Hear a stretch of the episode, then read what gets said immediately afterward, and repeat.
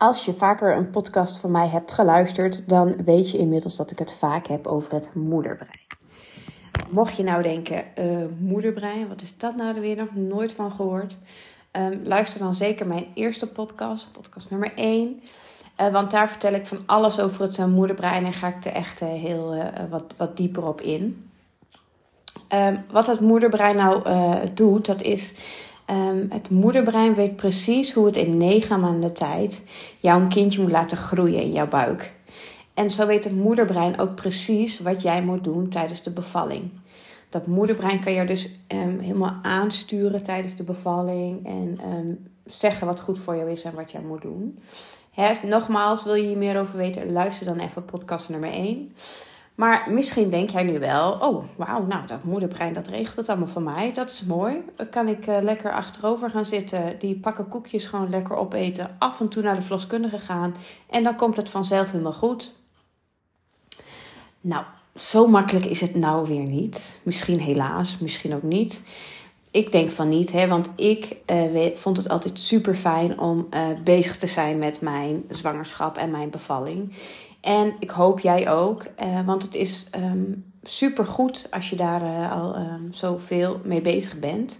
Of tijdens je zwangerschap veel bezig bent met jouw bevalling en wat je wil tijdens jouw bevalling omdat um, zo ga je dan positieve ervaringen voor jezelf maken. En uh, doordat je dat voor jezelf doet, krijg je ook steeds meer zin in de bevalling. En de kans is wel dat je misschien net zo um, happy gestort wordt als mij en zegt: Nou, bevallen, dat is echt mijn nieuwe hobby. Hè, ik zeg dat wel eens, want ik vind bevallen. Ik heb twee hele fijne bevallingen gehad. Dus ik vind het fantastisch. Ook omdat ik heb gevoeld wat een power er in jouw lichaam zit en wat jouw lichaam wel niet kan. Wauw, je hebt gewoon een mens op de wereld gezet. Hoe super bijzonder is dat? Hè, het is niet zo dat ik honderd kinderen heb, omdat ze worden ook weer groter. En ik moet zeggen, dat uh, vind, ik, vind ik pittiger dan uh, bevallen zelf. Dus ik heb twee kindjes waar ik super blij mee ben. Maar bevallen, dat vond ik echt fantastisch. Maar uh, er zijn wel een paar simpele dingen die ervoor kunnen zorgen dat jouw moederbrein hè, dat de, uh, het moederprogramma afspeelt. En het moederprogramma dat zit zeg maar in jouw moederbrein. En dat programma vertelt dus precies wat jij kan, moet doen tijdens de bevalling. Wat goed voor jou is. Um, een van die dingen is dat het heel belangrijk is om een veilige omgeving voor jezelf te creëren. Het is dus heel goed om je uh, er bewust van te zijn welke mensen er in jouw omgeving zijn. Um, heb je veel mensen in jouw omgeving die alleen maar slechte verhalen vertellen, um, enge verhalen vertellen, dat het niet goed ging, dat je dus veel negatieve ervaringen krijgt en, uh, en je daarmee voedt als het ware. Um, zijn dat mensen die zeggen: Oh, je bent niet goed bezig. Uh, je moet niet naar je gevoel luisteren, want uh, daar heb je niks aan. Je moet luisteren naar de mensen die er verstand van hebben. Um, vraag jezelf dus af met welke mensen omring je je. En misschien heb je alleen maar mensen om je heen die je positief beïnvloeden, wat super fijn is en wat dus ook heel belangrijk is. Want hoe jij je voelt, dat hangt sterk af van het contact met andere mensen. Um, en ze bepalen bijvoorbeeld of je ontspannen bent, of je stress ervaart en ook hoe jij daarop reageert. En je hebt dus het meeste eraan als je je omringt met beschermende en bevestigende mensen om je heen. Um, want wat ook grappig is om te weten, is dat je wordt het gemiddelde van de vijf personen met wie jij het meeste omgaat. Dus misschien kun je je voor jezelf nu eens even bedenken: met welke vijf personen ga ik het meeste om? Um, zijn dat fijne personen? Zou ik ook willen worden zoals zij? Of, of in ieder geval eigenschappen die ze hebben, vind ik die mooi. Dat is goed om je, uh, om je dat te beseffen. Hè, dat, um, um, dat, dat degene met wie je omgaat, dat die jou dus beïnvloeden. En ook hoe jouw uh, kijk naar zwangerschap is en bevallen. He, want als je alleen maar omringt met mensen die negatieve ervaringen hebben en um, um, negatieve verhalen vertellen, ga je je dus ook voeden met negatieve um, verhalen en gevoelens. En dat is wat we absoluut niet willen, want bevallen is iets prachtigs en dat kan het ook zeker voor jou zijn. en misschien denk je van, nou, ik ken wel genoeg mensen om me heen, maar ja, wie kan ik eigenlijk vragen als ik bijvoorbeeld in de kraamweek een vragen heb waar ik me eigenlijk heel onzeker over voel. Wat ik eigenlijk niet aan de kraamhulp wil vragen. Want ja, wat denkt ze dan misschien wel niet? Of niet aan mijn moeder, omdat ik voel dat ik daar niet de ruimte van heb. Hè? Ehm, ehm, of eh, ben ik misschien niet in staat om voor mezelf te koken tijdens de kraamweek? Wie kan ik dan vragen? Of uh, tijdens jouw zwangerschap misschien al. Dus dan is het goed om voor jezelf een soort um, netwerkoverzicht of een netwerkkaart voor jou te maken. En een netwerkkaart, dat is een overzicht van de personen in je omgeving. Wie kun je waarvoor bereiken, waarvoor vragen, zodat jij er een zeker gevoel van krijgt. Hè? Want misschien denk je nu wel, um, ja, er zijn wel mensen bij wie je je veilig voelt. Maar als je het visueel maakt, dus als je het opschrijft, zul je zien dat het voor rust gaat zorgen. Omdat je dan ook echt ziet van, oh ja, ik ben niet alleen. Ik heb inderdaad mensen om me heen die mij beschermen en die mij bevestigen. Um, dus maak voor jezelf een, um, een A4'tje en um, schrijf daar bijvoorbeeld op naar wie ga jij toe voor praktische steun? Met wie ben jij graag samen? En van wie krijg jij emotionele steun? Het is goed als je dit jezelf afvraagt en het dan voor jezelf opschrijft. Schrijf daar de namen bij, wie dat zijn. En als je dat hebt opgeschreven, is het ook fijn om dat aan je partner te laten lezen. Of misschien kun je het wel samen invullen, zodat hij of zij ook weet waar diegene terecht kan voor um, hulp. Stel je voor dat hij of zij het misschien ook eventjes niet meer weet of ook een vraag heeft. En hij ziet dan um, um, die mensen en dat hij denkt: Oh ja, ja, dat klopt wat jij zegt. En wat hij ook kan, hij of zij, hij kan ook een um, netwerkkaart voor zichzelf maken. Hè? Want um, ook als partner gaat er natuurlijk heel veel voor jou veranderen. Misschien is er al heel veel veranderd uh, uh, te, als, jij, uh, als jij zwanger bent. Merk je dat jouw partner dingen anders ervaart, dingen anders voelt. En dat gaat zeker ook nog gebeuren als jullie baby er is.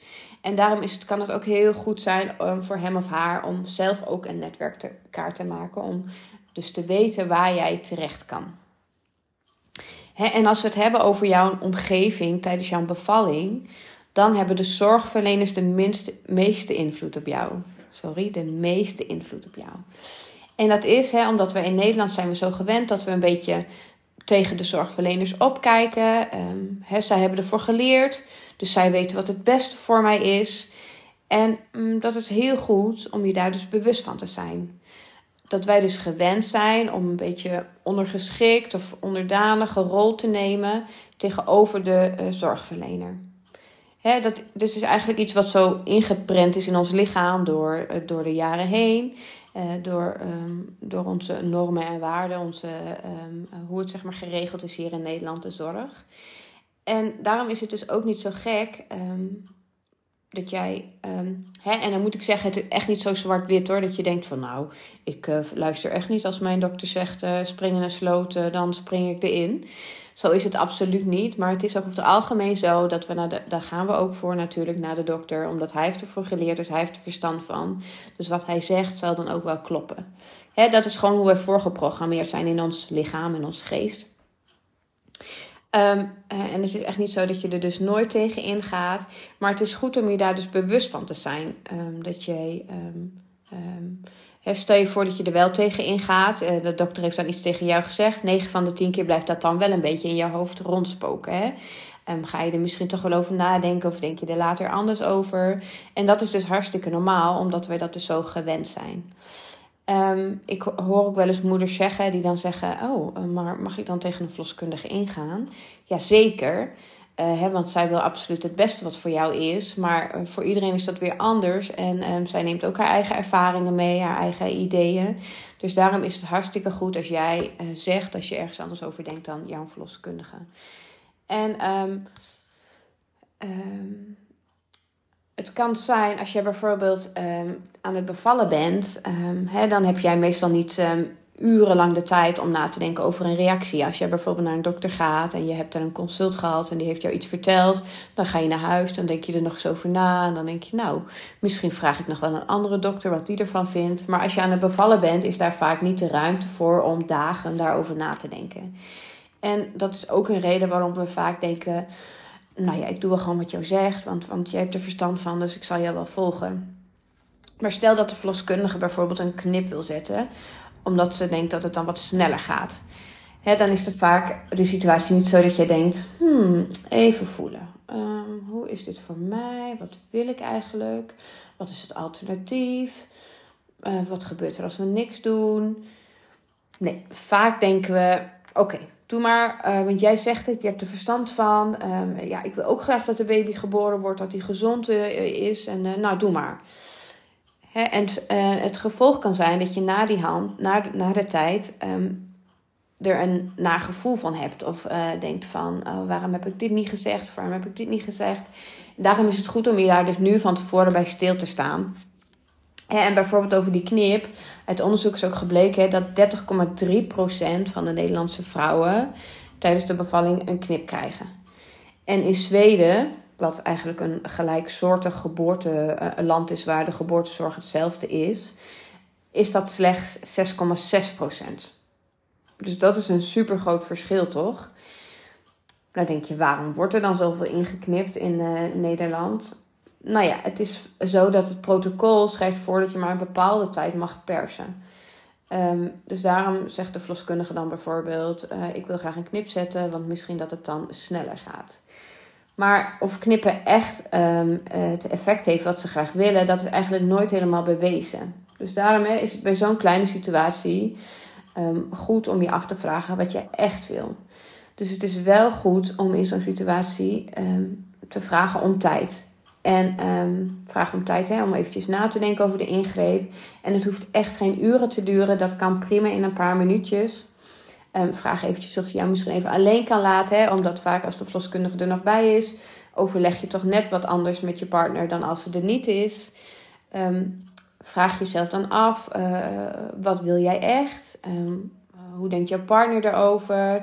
Uh, wat als we nog eventjes wachten om te kijken of jouw lichaam het misschien zelf al pakt? En vraag ook zeker wat de nadelen zijn hè, van het ingrijpen. Want vaak zie je dat um, de zorgverlener wel vertelt uh, wat de voordelen zijn om in te grijpen. Maar wat zijn ook de nadelen? Want eigenlijk zijn er altijd wel nadelen. Of eigenlijk, er zijn altijd nadelen als jij het natuurlijke proces wat bevallen is uh, als je daarmee gaat bemoeien, bij wijze van. Hè? En uh, heel vaak is het ook wel goed hoor, maar soms vaak is het ook niet goed. Dus um, daarom heeft het altijd nadelen als je je daarmee bemoeit. Dus het is heel goed om je bewust van te zijn dat de verloskundige zeker altijd het beste met jou voor heeft. Maar dat zij zich dus wel aan protocollen moet houden en die zijn niet altijd het beste voor jou. Dus dat is goed om je daar ook bij stil te staan in jouw voorbereiding op jouw bevalling um, goed om je te beseffen dat jij niet dat jij de enige bent die precies weet wat jij voelt. Hè, anderen kunnen wel bedenken hoe jij je misschien zou kunnen voelen. Of um, uh, weten misschien hoe andere vrouwen reageerden in deze situatie. Dus waarschijnlijk geldt dat dan ook voor jou. Maar ze weten nooit hoe jij je echt voelt. Um, voel je van nee, ik wil die knip niet. Um, ik voel dat het goed gaat. Het gaat wat langzamer. En dat voelt fijn. Dat voelt goed. Zo kan mijn babytje langzaam geboren worden. Langzaam aan de wereld inkomen. Voel jij dat? Spreek dat dan ook uit. Want het is zo belangrijk hè, om anderen te laten weten wat jij echt voelt. Want jij bent de enige die echt weet uh, uh, wat jij voelt.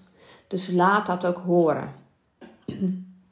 En dat is heel goed om je daar uh, bewust van te zijn. Hè? Want het is een heel makkelijk zinnetje. Um, jij bent de enige die weet hoe het echt voelt. Maar vaak is het wel moeilijk om dat ook, ook echt um, um, te zeggen. Vooral tegen iemand zoals een verloskundige, waar je misschien tegenop kijkt, die er verstand van heeft. En misschien denk je dan wel, wie ben ik dan als moeder die zegt van dit voelt niet goed. Maar ja, zij heeft toch wel, zij weet toch wel wat het beste is. Voel dan die zekerheid dat jij de enige bent die voelt wat goed voor jou is. En die dus ook weet wat het beste voor jou is. Um, en misschien denk je ook van, um, wauw, dat zou ik wel graag willen, maar ik voel ook nog dat hier uh, iets zit waar ik aan kan gaan werken, wat hartstikke normaal is. Uh, want um, zoals ik net al uitlegde, zijn we het niet echt gewend om tegen de zorgverleners in te gaan. En uh, dat is dus ook wat we tijdens het Mama traject echt heel erg gaan behandelen en gaan bespreken. En heb jij er totaal geen moeite mee, dan is dat ook heel fijn. Dan slaan we dat stukje weer over. Maar wat we vooral doen tijdens het Mama traject is jou voorbereiden op het bijzonderste moment in jouw leven. En dat is ehm, de geboorte van jouw kindje. Ehm, en ik zie ook veel uh, moeders in mijn praktijk die dan komen voor een volgende zwangerschap, omdat zij ehm, de, eerste zwangerschap, de eerste bevalling ging niet zoals zij wilden. En zij voelen aan alles, deze keer gaat het anders. En dat is wat we in het Mama traject echt gaan doen. Um, hè, we gaan je niet alleen praktisch voorbereiden op de bevalling, maar vooral ook emotioneel. Want hoe kun je ervoor zorgen dat jij het gevoel hebt dat je in controle blijft? Want vaak zeggen we bijvoorbeeld met een bevalplan: het is een plan en geen script. Maar zeker kun jij er in alle situaties voor zorgen dat jij um, grip houdt. Dat jij je in controle voelt. Ook als jij een keizersnede krijgt, ook als jij ingeleid wordt. Er zijn allerlei manieren, allerlei alternatieven, waardoor jij in controle blijft. Want dat is heel belangrijk, dat jij het gevoel hebt dat jij gezien wordt, gehoord wordt. Het is jouw bevalling um, en um, daarom is dat zo belangrijk dat, dat jij dat voelt, hè, dat je gezien en gehoord wordt. Um, en dat is dus wat we doen tijdens het Mama traject. Het zijn vier gesprekken, vier één op één gesprekken. Die kunnen online of offline plaatsvinden. Dat is voor de effectiviteit, maakt dat niet uit. Wat jij daarin het prettigste vindt. En daar in die gesprekken bereiden we jou dus um, praktisch en emotioneel voor op de bevalling. We bespreken de vijf grootste risicofactoren op een geboortetrauma en hoe je ervoor kan zorgen dat hoe je die weg kan nemen, zodat de kans op een geboortetrauma heel klein is bij jou. En wat het uh, Mama Wijf ook uniek maakt, is dat um, de begeleiding stopt niet uh, bij de bevalling, maar ook daarna ben ik er nog voor jou. Dus we hebben na de bevalling um, contact zodat jij echt kan vertellen hoe jouw bevalling was. Als jij voelt, nee, dit was niet hoe het moest. Um, ik voelde mij niet gehoord of gezien. Of ik kon niet op mijn, uh, bij mijn, uh, op mijn strepen blijven staan. Aan mijn um, waardes blijven. nou, kom, kom goed uit de woorden. Maar ik kon niet zeggen wat ik belangrijk vond. Um, dan ben ik er ook voor jou. En dan gaan we kijken: um, is dit een geboortetrauma? Uh, is dat zo? Dan uh, doen we een herstelgesprek, zodat jij weer kan herstellen van je geboortetrauma. En dat jij oprecht kan genieten van de um, bijzondere tijd uh, die na de bevalling komt, de geboorte van jouw kindje. misschien is het jouw eerste kindje, dan is het moederschap helemaal iets nieuws voor jou. En misschien is het een volgend kindje.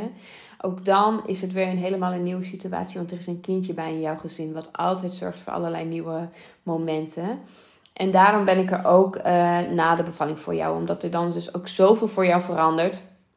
En dat het dan ook heel fijn is dat jij um, uh, iemand daarbij hebt die jou daarin uh, begeleidt of waar je terecht kan met al je vragen. Dus dat is ook wat we doen tijdens het Mama traject. Denk jij, nou wauw, dat, uh, die begeleiding wil ik graag, dat traject wil ik graag volgen. Um, dan kun je me uh, meer informatie vinden op mijn website mamawijs.nl. Uh, je mag mij altijd een mailtje sturen, dat is info.mamawijs.nl. Ik vind het super leuk om wat van je te horen. Ik moet zeggen, ik vind het sowieso heel leuk om wat van jullie te horen. Ik zie dat ook steeds meer mensen mij gaan volgen als ze mijn podcast hebben geluisterd. Op Instagram heet ik ook Mamawijs. En uh, dat ik dan ook in de persoonlijke berichtjes uh, leuke gesprekken met hun voer. Dus dat vind ik echt super leuk. Dus mocht, dat, mocht je, dat jij zijn geweest, dat ik een gesprekje met jou heb gevoerd, dank je wel daarvoor. Uh, dat vind ik heel waardevol. Dus voel je ook zeker vrij om dat te doen. En mag je vragen hebben naar aanleiding van deze podcast, dan mag je hem ook zeker altijd mailen of um, op wat voor manier dan ook contact opnemen. En um, dat was hem voor vandaag. En ik hoop je de volgende keer zeker weer uh, dat je weer gaat luisteren.